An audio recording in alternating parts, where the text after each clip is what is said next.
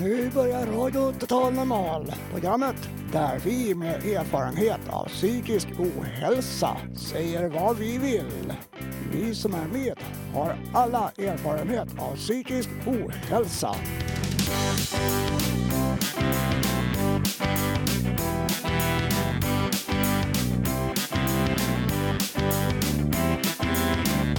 Du lyssnar på Radio Total Normal 101,1 MHz. Totalt normalt. Radio Total Normal. Torsdagar från två till halv fyra. Vi livesänder med publik från Götgatan 38 i Stockholm. Kom hit och lyssna. Här är alla röster lika värda.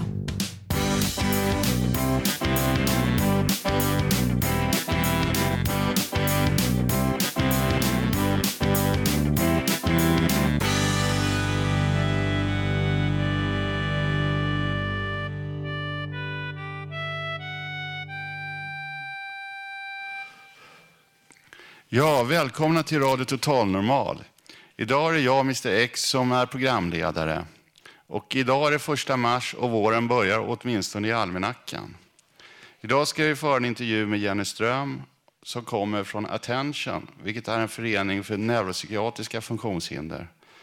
Vi ska också lyssna till min egen radioteater om den första interplanetariska konferensen i vårt, sol, i vårt solsystem som handlar om mänsklighetens lösning av våra problem som vi lever med idag. Det blir också levande musik av Hans och Peter. Det, det kommer att spela musik av Simon Garfunkel. Som ni vet sänder vi live från Götgatan 38 på frekvensen 101,1. Men det går även bra att lyssna på nätet. Och allra trevligast är att ni gör som publiken här idag, som sitter och myser och fikar med oss här i matsalen. Men då så, då drar vi igång. Rullar det igång här.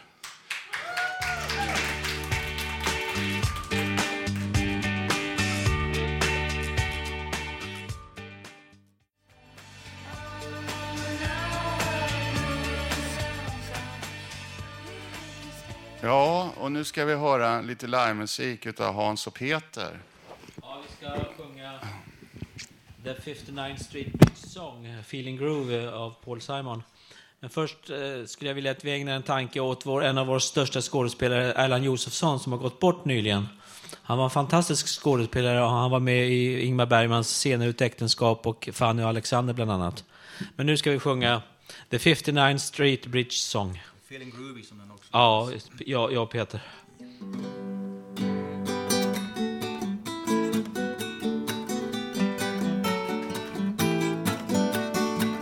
Slow down, you move too fast. You got to make the morning last just kicking down some carbon stones. Looking for fun and feeling groovy. Da da da da da da da. Feeling groovy.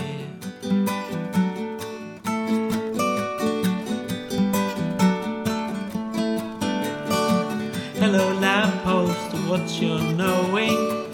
I've come to see the flowers growing. Ain't you got no rhymes for me? Do do do do, feeling groovy.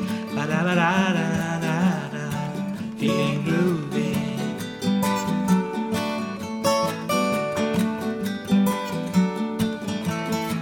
I got no deeds to make, no promises to keep.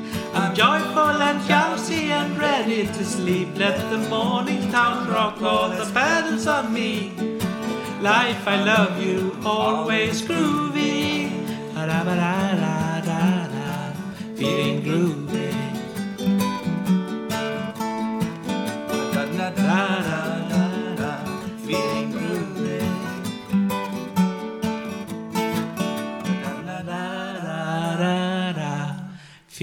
Feeling groovy. Tack så mycket. Tack.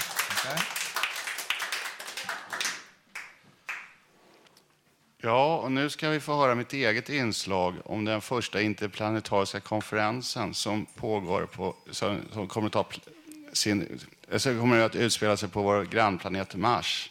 Det är en positiv historia som beskriver en möjlig lösning på problem som mänskligheten står för in, idag. Det gäller bara att börja samarbeta och våga för att lösa våra problem genom att utveckla samarbete mellan olika länder.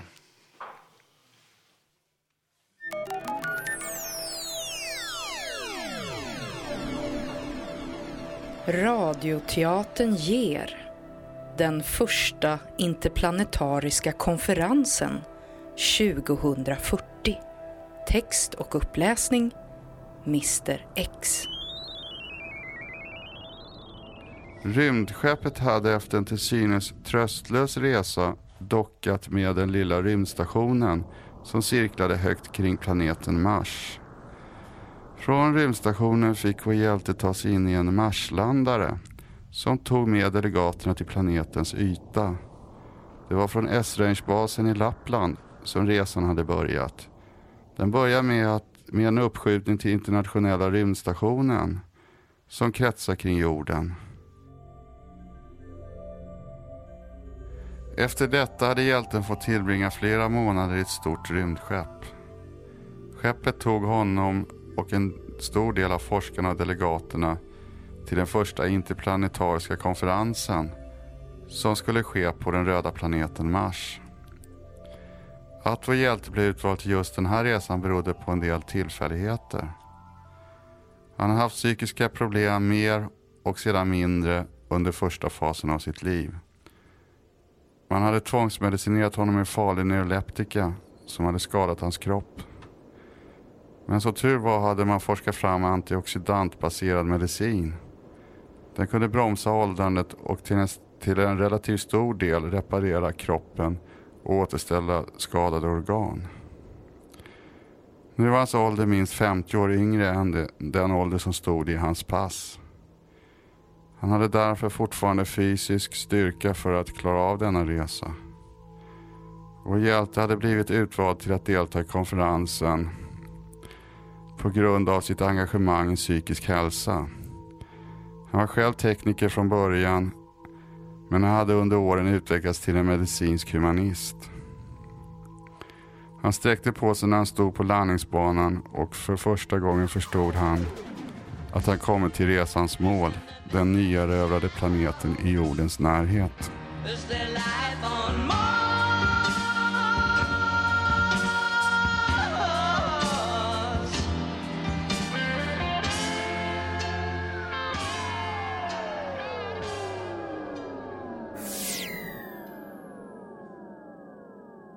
När det röda stoftmålet hade lagt sig efter den lyckade landningen kunde vår hjälte utskilja tre kupoler som var mycket större än Globen i Stockholm.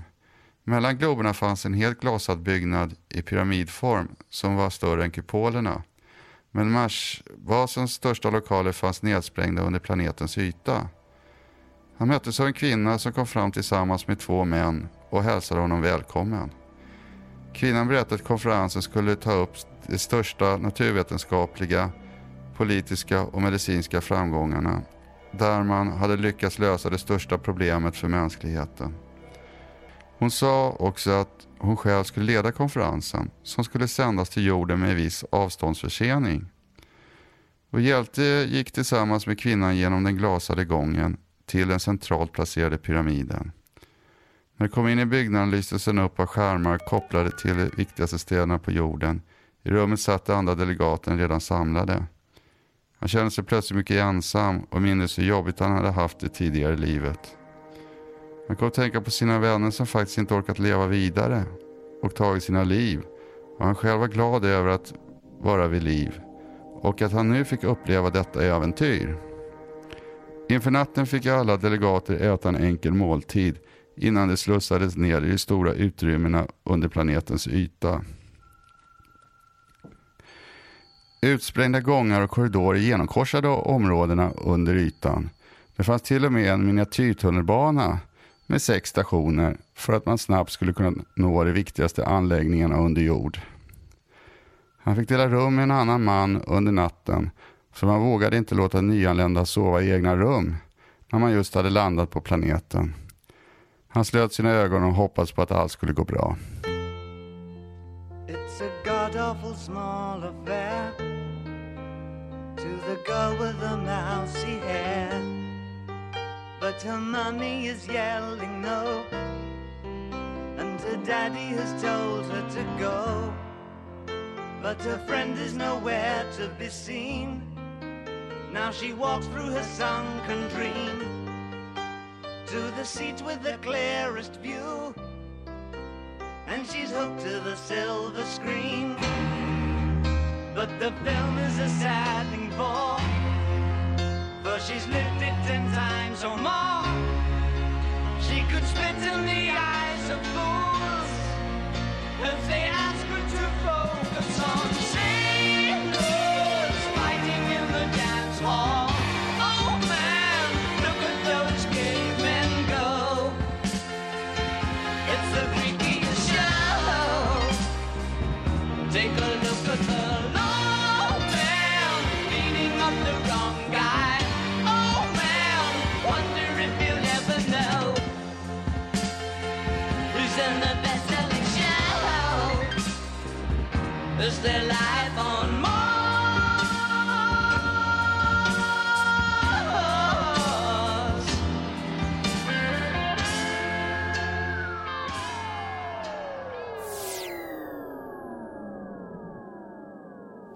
hört den första delen i radioteatern Den första interplanetariska konferensen 2040.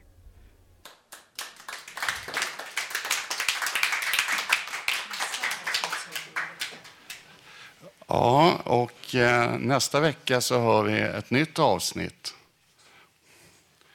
Och nu ska vi höra lite mer livemusik. Hans och Peter. Ja, eh, vi ska framföra en låt, en tonsättning av mig eh, efter en dikt av Stig Dagerman som heter En broder mer.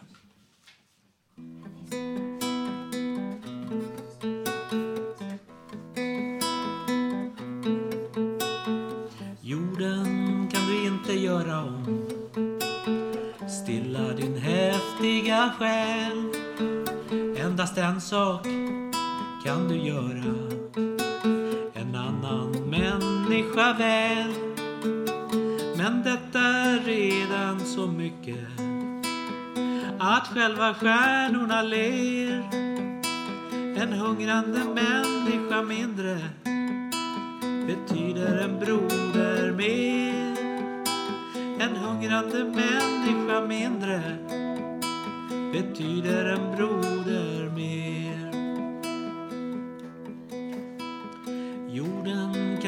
Inte göra om. Stilla din häftiga själ. Endast en sak kan du göra. En annan människa väl. Men detta är redan så mycket. Att själva stjärnorna ler. En hungrande människa mindre betyder en broder mer. En hungrande människa mindre betyder en broder mer.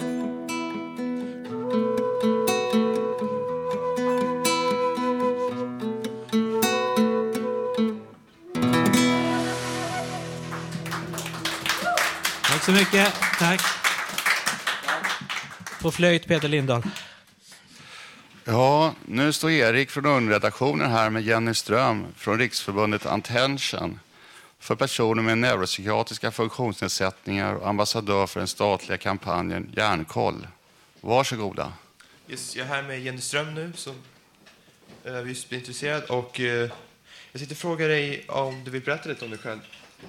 Eh, ja, jag är eh, vuxen kvinna. Jag har fått diagnoser i vuxen ålder. Jag har Asperger och ADHD. Eh, och jag har tre barn med samma underbara egenskaper. Eh, och, eh, jag brinner väldigt mycket på de här frågorna för unga vuxna, för att de ska ha möjlighet att studera, inte förtidspensioneras i onödan och eh, kunna arbeta och ha ett värdigt liv, precis som alla andra. Okej. Hur eh, skulle du vilja ändra på hur ADHD uppfattas? Om du kunde.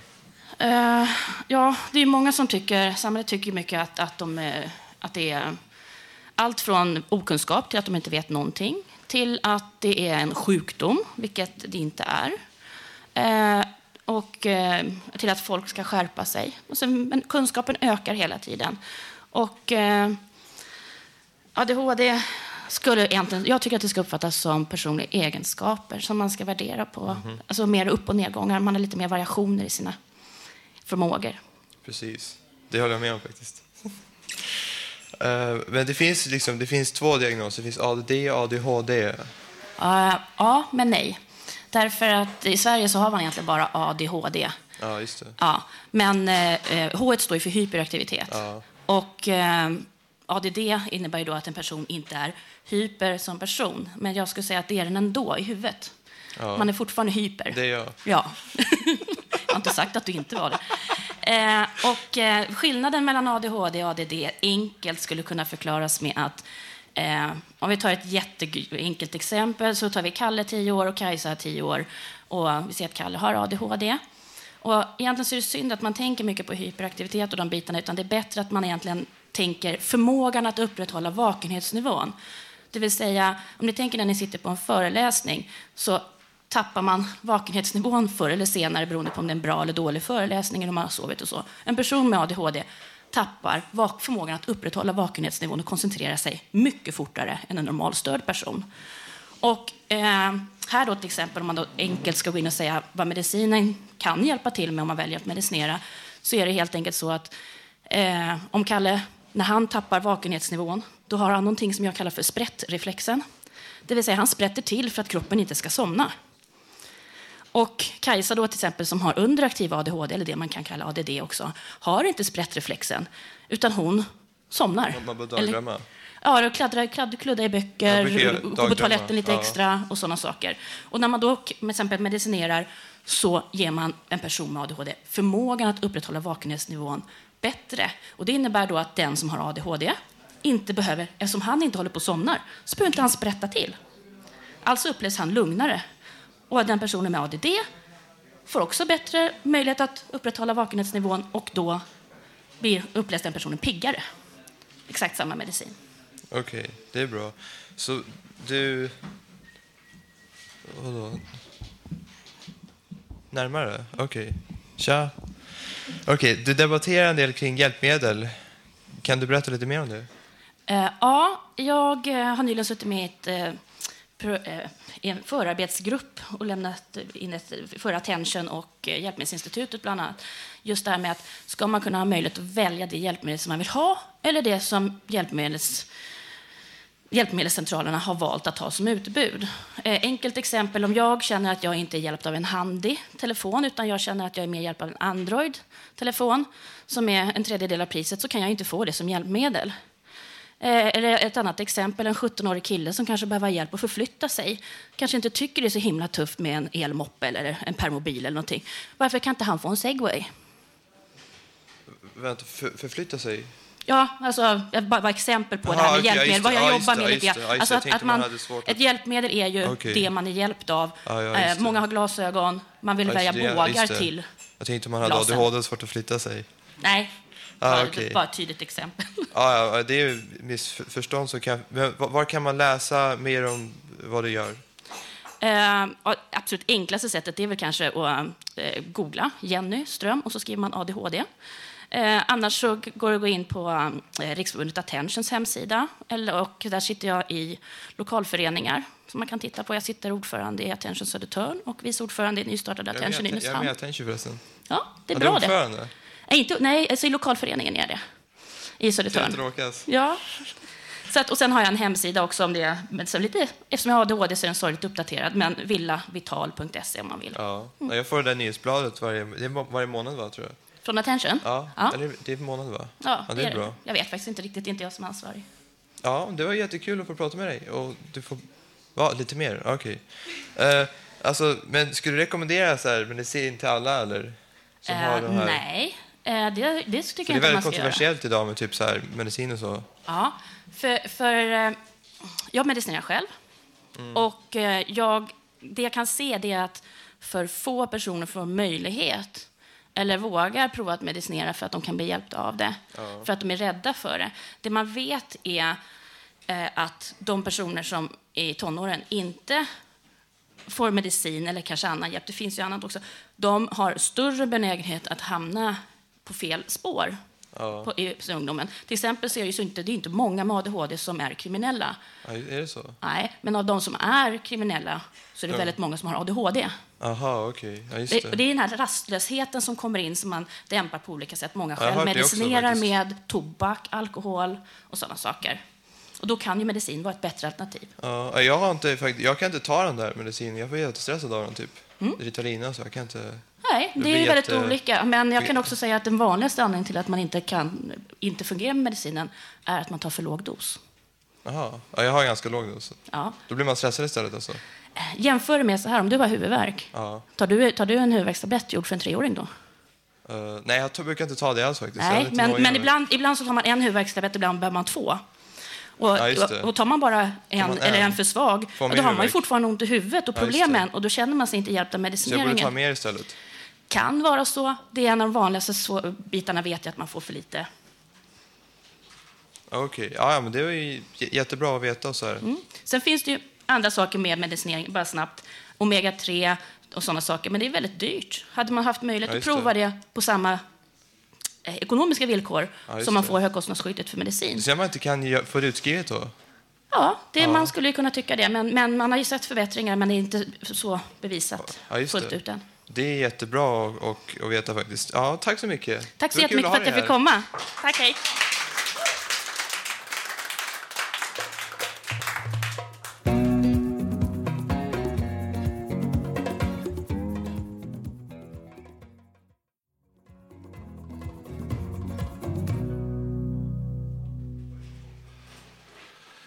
Ja, och nu ska Marika läsa lite om ett dikter av Karin Boye.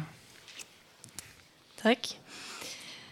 Ja, visst gör det ont när knoppar brister är troligen den mest citerade raden av den svenska poeten och författaren Karin Boye. Och ja, visst gör det ont. Karin Boye har förföljt mig sedan högstadiet. Då delade läraren ut dikter till oss som vi skulle lära oss utan till. Läraren hade valt ut dikter som hon tyckte passade var och en och jag klurade länge på varför just jag hade fått Karin Boye. Då kände jag bara till hennes namn och raden Ja visst gör det ont. Kanske såg läraren hur ont jag hade i själen vid denna tiden. Det var då jag började må dåligt, som det kallades. Eller så misstänkte läraren på något synskt sätt att jag i framtiden skulle engagera mig politiskt och i HBT-rörelsen. Ämnen som man enkelt kan förknippa med Karin Boye. Karin Boye föddes i Göteborg 1900 men flyttade till Stockholm i tioårsåldern. Hon debuterade redan som 22-åring med diktsamlingen Moln. Hennes dikter är fulla av motsättningar. Jag är långt ifrån någon diktexpert men jag kan verkligen ta till mig av den där kluvenheten och oron. Hur ont det gör att vilja men inte räcka till. Livet är aldrig som det borde vara. Jag växte upp, slutade högstadiet och då och då läste jag hennes dikter och romanen Kallocain, en dystopi om ett övervakningssamhälle. I vintras gjorde hon sig dock återigen påmind på ett tydligare sätt då jag fick kontakt med två tjejer som ville dramatisera Karins roman Kris. Jag hade nyss flyttat tillbaka till Stockholm och letade efter något att göra och plötsligt var jag mitt i ett spännande projekt med en engagerad ensemble. Pjäsen Kris har premiär den 19 maj på Teater Peru i Stockholm men jag återkommer om detta när det närmar sig. Jag läste boken och tyckte att den tog upp alla ämnen som jag för tillfället grubblade på. Teologi. Huvudpersonen Malin börjar ifrågasätta kristendomens ideal. Den kan inte förklara den ångest hon känner. Ångest? Vad är egentligen ångest? I ett roligt avsnitt i manuset vi arbetar med nu diskuterar tre figurer, en naturvetare, en kristen och en humanist, varför Malin har ångest. Alla har sin bestämda och lika varierande uppfattning om varför. Kris handlar också om identitet. Det är den roman där Karin Boyes lesbiskhet finns tydligast utskriven. Eller tydlig och tydlig, en roman som kom ut för 70 år sedan har av naturliga skäl förklätt temat. Karin själv levde med en kvinna, trots alla tabun. Men i april 1941, endast 40 år gammal, tog Karin sitt liv ute vid en kulle i Alingsås. En månad senare begick även hennes livskamrat självmord. Ett tragiskt slut. men långt ifrån ovanligt. Psykisk ohälsa är ett snabbväxande hälsoproblem och självmord är den vanligaste dödsorsaken hos personer under 40. Därför är det viktigt att bryta tabun och prata om det här. Men eh, Karins dikter finns ju kvar och kanske kan de ge hopp och tröst. Så jag avslutar med att läsa en av dem. I rörelse ur samlingen Härdarna. Den mätta dagen, den är aldrig störst. Den bästa dagen är en dag av törst. Nog finns det mål och mening i vår färd, men det är vägen som är mödan värd. Det bästa målet är en nattlång rast, där elden tänds och brödet bryts i hast. På ställen där man sover blott en gång blir sömnen trygg och drömmen full av sång. Bryt upp, bryt upp, den nya dagen gryr. Oändligt är vårt stora äventyr.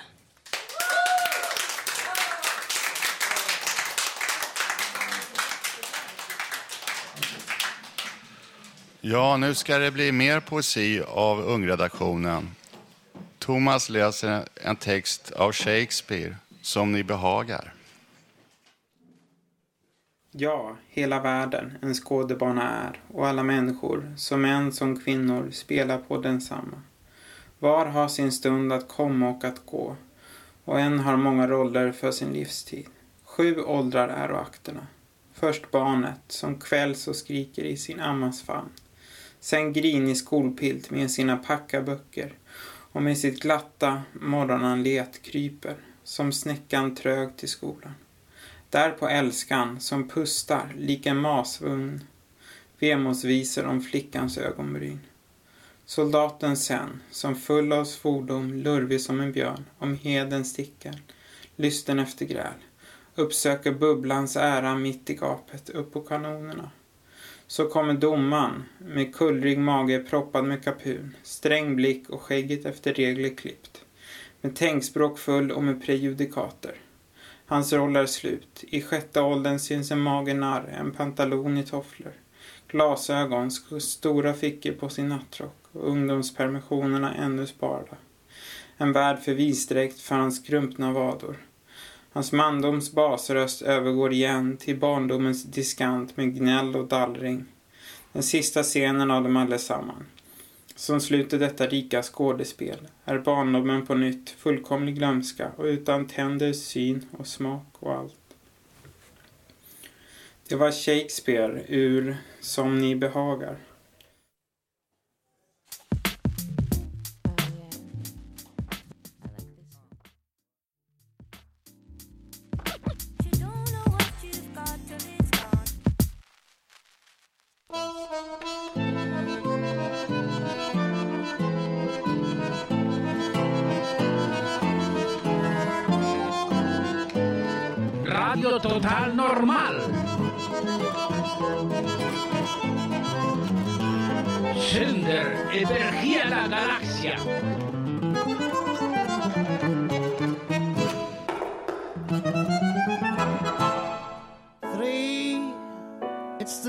Magic number. It's the magic number. Ja, och nu kommer Håkan och informerar om ångestloppet som äger rum här på Södermalm. Ja, hej alla lyssnare! Den 23 mars så är ni hjärtligt välkomna att vara med i loppet. Det är ett lopp som berör oss allihop. Ångestloppet syfte är att vi ska få en diskussion omkring de som har psykisk ohälsa. Det är även en manifestation för att vi ska få koppling mellan fysisk och psykisk ohälsa. Kom hit och spring! Gå 209 meter. Starten går klockan 14.00 från Götgatsparken. Ni ser oss. Kom, både unga och barn och vuxna är välkomna. Ingen föranmälan. Det är bara att komma förbi och vara med. För ju mer vi är, ju mer kraft så kan vi styra de som styr i landet. Att vi kan få gehör att vi också finns. Och inte bara de som är bostadslösa och inte bara de som är arbetslösa. Att de också får upp ögonen för oss också och gör någonting. Och inte bara gräver ner oss som, eh, ska man säga, skiten i mattan på något sätt. Kom igen! Kom igen! Tack mig!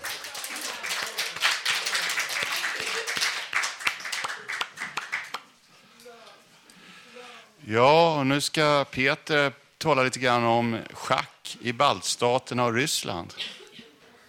Ja, just det. Jag heter Peter Selin, så jag ska prata lite om schack i baltstaterna och Ryssland. Estlands främste spelare Paul Keres, han dog 1975. Han har vunnit Sovjetmästerskapet tre gånger. Och han var en stor vän till Sverige. Han vistades nämligen i Sverige under kriget men hade familjen i Estland. Och han återvände efter andra världskriget till Estland. Och han hade en Cadillac i Estland. Han hade beställt den från Amerika och de fraktade den till Rigas hamn med lastfartyg. Och Keres och hans livvakt åkte till Riga och hämtade den där Cadillacen. Det var den enda i hela Estland. Och lettiska schackspelare kan man nämna um, Ivar Gipslis. Han slog igenom som 28-åring 1967 och kom i världens hårdaste schacktävling Sovjetmästerskapet på tredje plats av 22 spelare. Och Gipslis var många år med i ryska landslag i schack.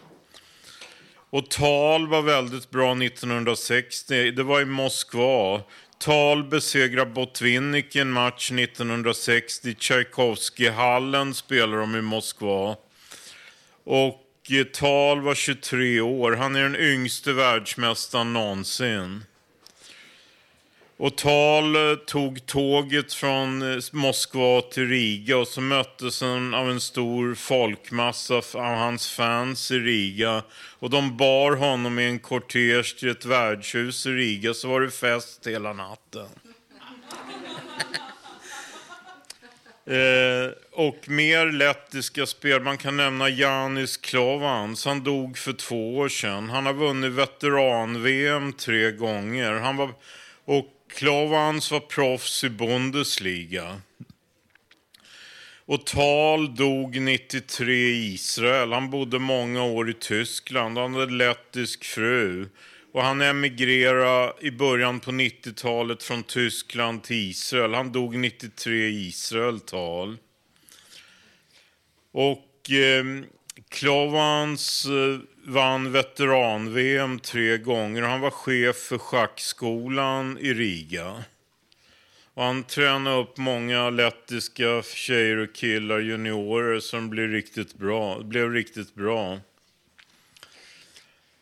Och eh, mer, man kan nämna två lettiska spelare till. Eh, en, det finns en lettisk ryss, Alexej Shirov.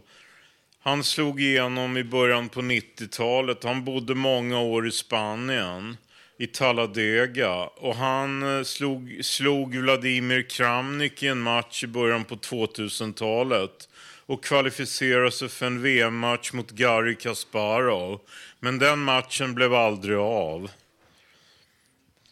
Och eh, Shirov har flyttat tillbaks till Lettland nu. Och man kan säga att Chiro är en av världens främsta angreppsspelare. Han var, väl, han var rankad världsfyra 95. Men han är något sämre nu. Och eh, litauiska spelare kan man nämna en som heter Vaitonas. Han kom till Sverige 1945 men flyttade till Amerika 1949. Han vistades några år i Sverige, Vaitonas. Och mer estniska spelare kan man nämna Jan Elvest. Han reser mycket. Jag tror han bor både i Amerika och Europa. Är det klart? Ja, då får jag tacka för mig.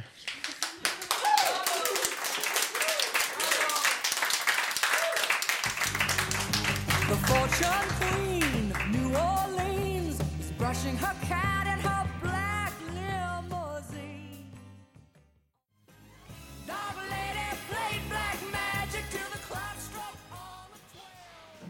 Ja, nu så kommer ett nytt inslag här. Sambandet med dataspel.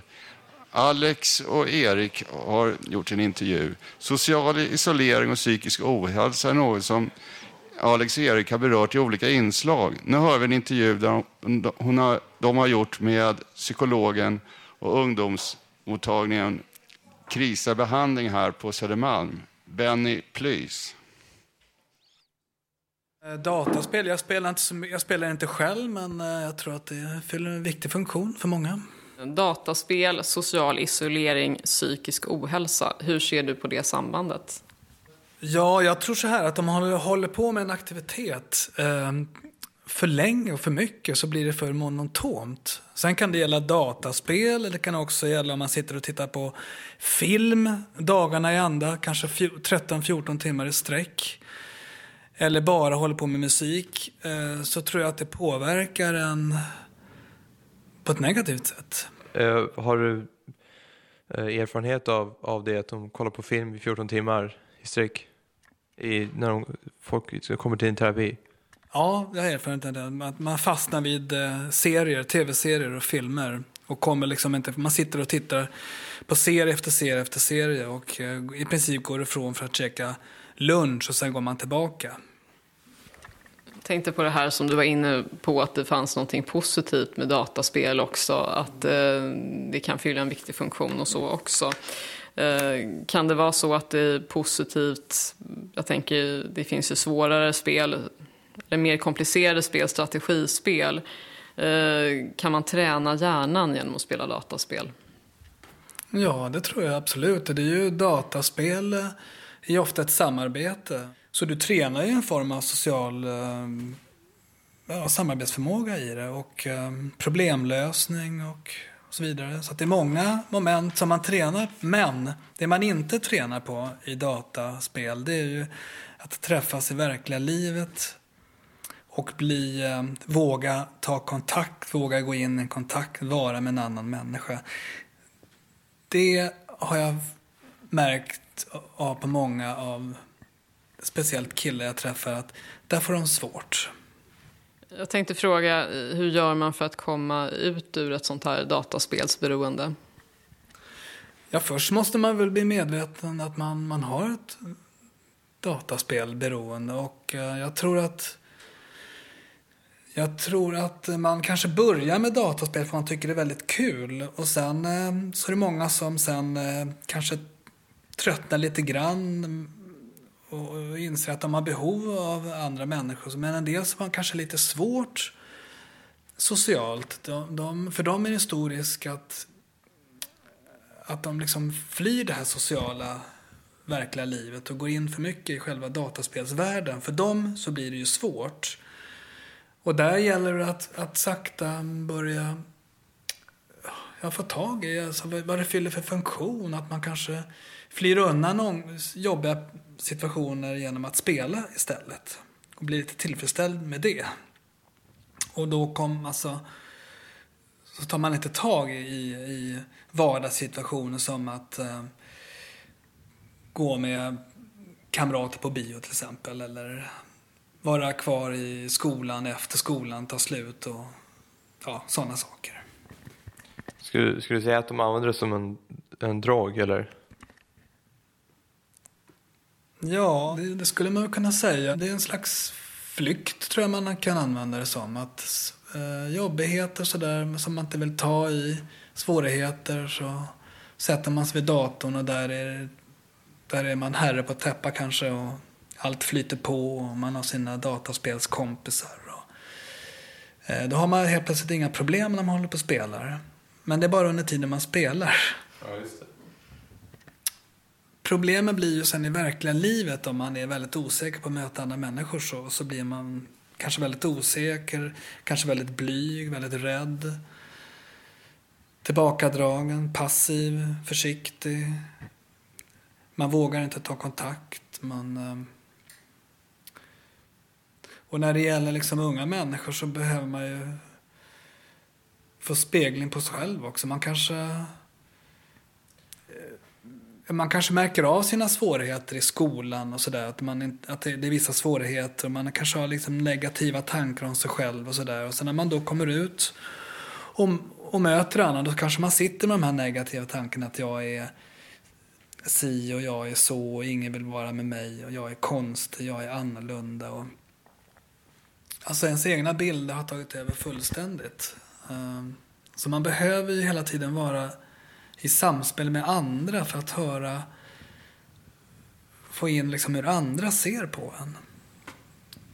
Och du, du skulle säga att det är det största problemet, att de blir isolerade och att de, det, det förhindrar utveckling?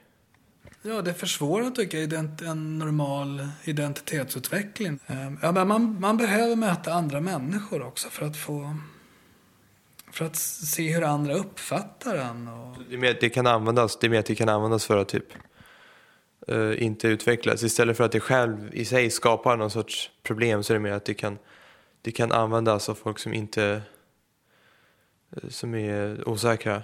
Som ett sätt att kunna f- fortsätta liksom, inte behöva utvecklas, inte behöva...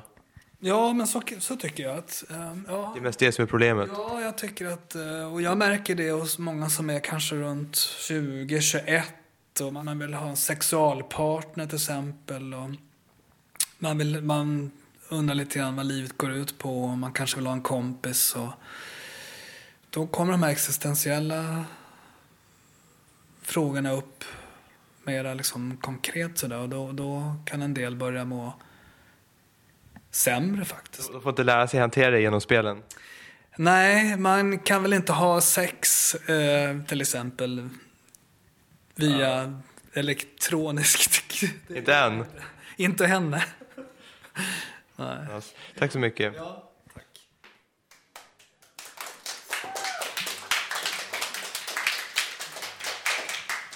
Ja, och nu ska vi lyssna på Tommy som ska spela lite live.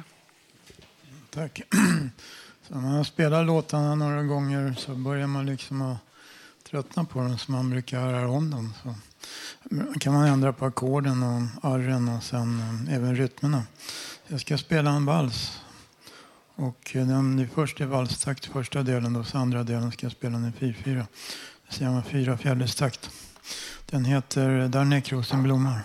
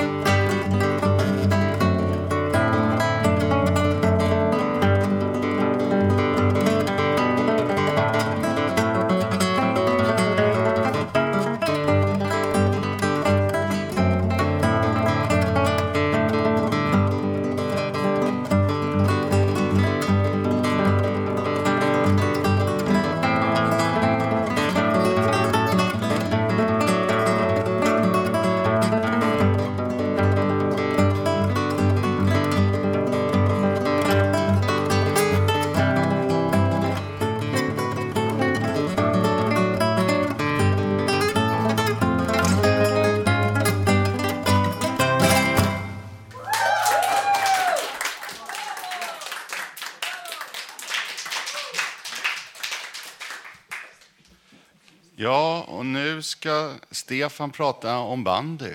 Tack. Tackar. Och nu blir det alltså sport här i Radio Total Normal. Och det ska handla om bandy som internationell idrott. Det här är ett kåseri, eller kanske en krönika om den ädla idrotten bandy. Det är några veckor sedan eh, bandy-VM i Kazakstan, som när det hölls. Och eh, det var 32 världsmästerskapet på här sidan. Finalen gick söndag den 5 februari. Det verkade lite kärvt där till en början för Sverige i semin eh, i match mot värdlandet Kazakstan. Men laget vann där i straffläggning efter 100 minuters spel och 36 Nej, 16 slagna straffar, det kan räcka. Eh, det stod 4-4 efter full tid och, ehm, och förlängning. Sveriges åttonde straff, slagen av Johan Lövstedt, avgjorde matchen. Eller ehm, var det räddningen av svenska keepern Anders Svensson på straffen innan som Kazakstanien eh, la som avgjorde? Det var, det, som, eh, det var den frågan som bandyvärlden kom att ställa sig efter den svenska segern som skrevs till slut till 5-4 i semin. Sverige var alltså i final. Och eh, vilka mötte då Sverige i finalen? Bra. Jag Hasse här är med på noterna. Jo, för tolfte gången genom tiderna och för åttonde gången på tio år mötte man mycket riktigt Ryssland. Och eh, Sverige vann med 5-4 även i finalen och eh, blev nu världsmästare för elfte gången genom tiderna. Eh, förra veckan så avgjordes VM i band för damer. I turneringen som spelades i Irkutsk blev det också final mellan Sverige och Ryssland. Eh, Irkutsk ligger i södra Sibirien, så Ryssland var hemmanation. Men det hjälpte inte Ryssland den här gången i finalmatchen i söndags. Sverige vann till slut med 5-3. Och det starka svenska damlandslaget är alltså guldmedaljörer de också, som laget på här sidan. En applåd för dem. Ja. Tack ska ni ha. Jag tror att det blir musik nu. Tackar.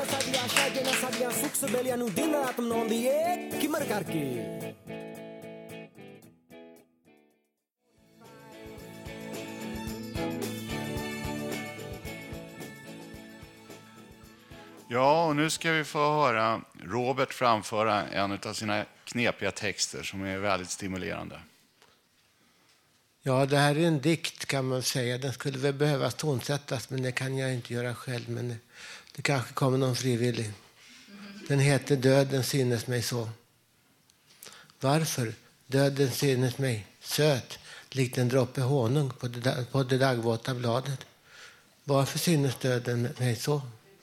Jag vaknar upp varje morgon, alltid lika ensam. Alltid vet jag, jag är inte som er. Alltid syns det mig så. Fakta, jag är inte som er. Jag står här i mitten av mitt liv. Varför får inte jag? Alla andra får ju. Jag står här i mitten av mitt liv. Varför får inte jag? Jag tänker, varför är det som det är? Varför slog ni mig? Varför försvarade jag mig inte? Varför är jag inte som er? Varför var jag inte som er? Du, min fader, du säger ju då att du sa det alla år. Varför måste jag betala för den där ungen? Det kan väl inte ha varit jag som tillverkade den? Kunde du inte ha varit karl nog att du faktiskt sagt, du som alla sa var så stark, när du då hade chansen? Nej du Margit, jag vill faktiskt inte ligga med dig. Men trots att du inte sa då, det var ju så som det blev i din resonemang alla år efteråt. Fakta var, jag ville inte, sa du. Var orsaken till vår olycka att min lilla mamma var så ensam? Var det därför hon inte dög? Är det därför det är så här? Älskade min fader inte min mor? Är det därför att jag också är så ensam? Då frågar jag mig, varför, varför var du då inte så mycket kar att du faktiskt har kunnat låta bli att ligga med henne, att ha sex med henne? Det finns ju en, en social och eh, samhällelig påbyggnad på evolutionen som, som gör att människor med familj ofta klarar sig bättre. Tyvärr. Och då frågar jag mig, varför var du då inte så mycket kvar att du faktiskt kunde ha låtit bli att ha sex med henne? Varför var du så svag att du då helt enkelt inte sa det? Nej du Margit, jag vill faktiskt inte ligga med dig. Därmed skapade du den sak för mig att jag inte kunde få ha den, den samhälleliga förlängningen av evolutionen. Att, vi ska, att, att det ska vara en par och en familj. Men för att du, för att du, det var väl så att du inte ville, som jag fattade. Du fick betala för mig alla år. Du fick slanta upp för mig alla dessa år. Vad var det, det sa det, att du alltid sa det? Det du sa det när du fortfarande levde om dessa saker. Varför syntes synes med döden så? Söt liten droppe honung på det daggvåta bladet. Varför synes mig döden som en förlösare? Den är ju inte det. Varje dag som, som, som, som det går och som jag känner att jag orkar så tar jag en, ett steg längre bort ifrån detta saknas faktum. Men det är ändå någonting. Att jag vaknar varje morgon, alltid lika ensam. Alltid vet jag, jag är inte som er. Alltid synes det mig, jag är inte som er. Även om det blir bättre och bättre år för år, faktiskt. Men ändå, varför synes mig döden så? Likt en droppe honung på det daggvåta bladet. Är det för att jag inte duger? Det är nog så, fakta. Det är nog så. Jag duger inte, jag dög inte. Kanske var det därför som döden syntes så.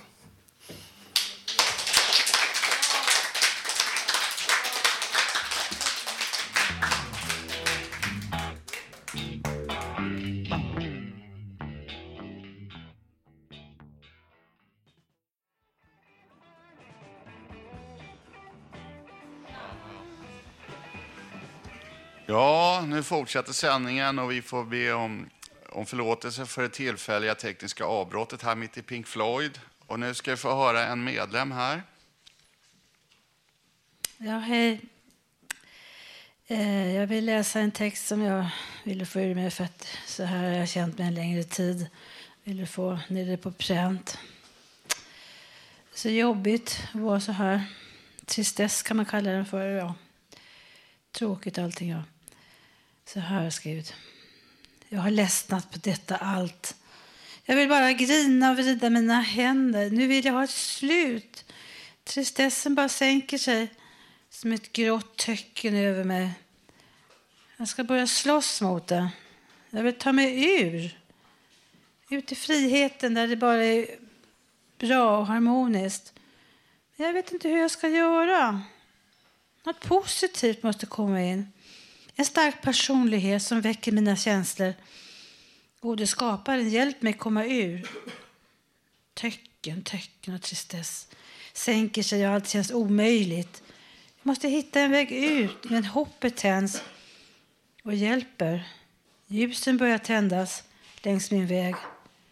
Vad är detta? Är det någon som vill mig väl?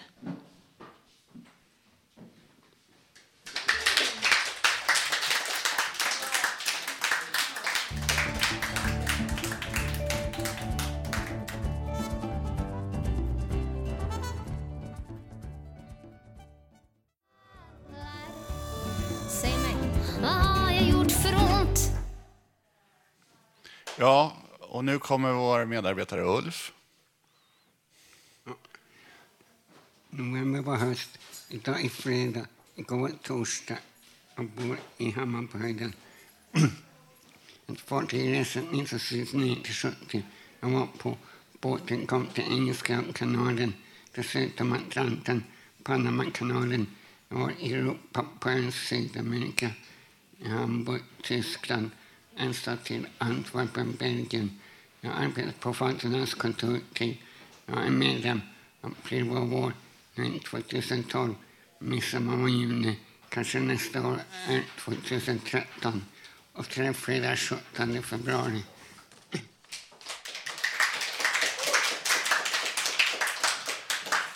Ja, och nu kommer vi till slutet av sändningen. Idag har vi fått höra en hel del olika saker. Till exempel har vi lyssnat på musik och poesi och bra intervju. Och sen så har vi varit ute i rymden lite grann. Och sen hade vi hade mer problem med cyberrymden än vanliga rymden. Och i, idag så tekniker Gustav Sondén, producent Melinda Vrede, producent för ungdomsredaktionen Emma Lundemark och projektledare var Bodil Lundmark. Och de som valde musik idag är Mr X och Thomas och jag som var programledare till Mr X. Tack och på återhörande.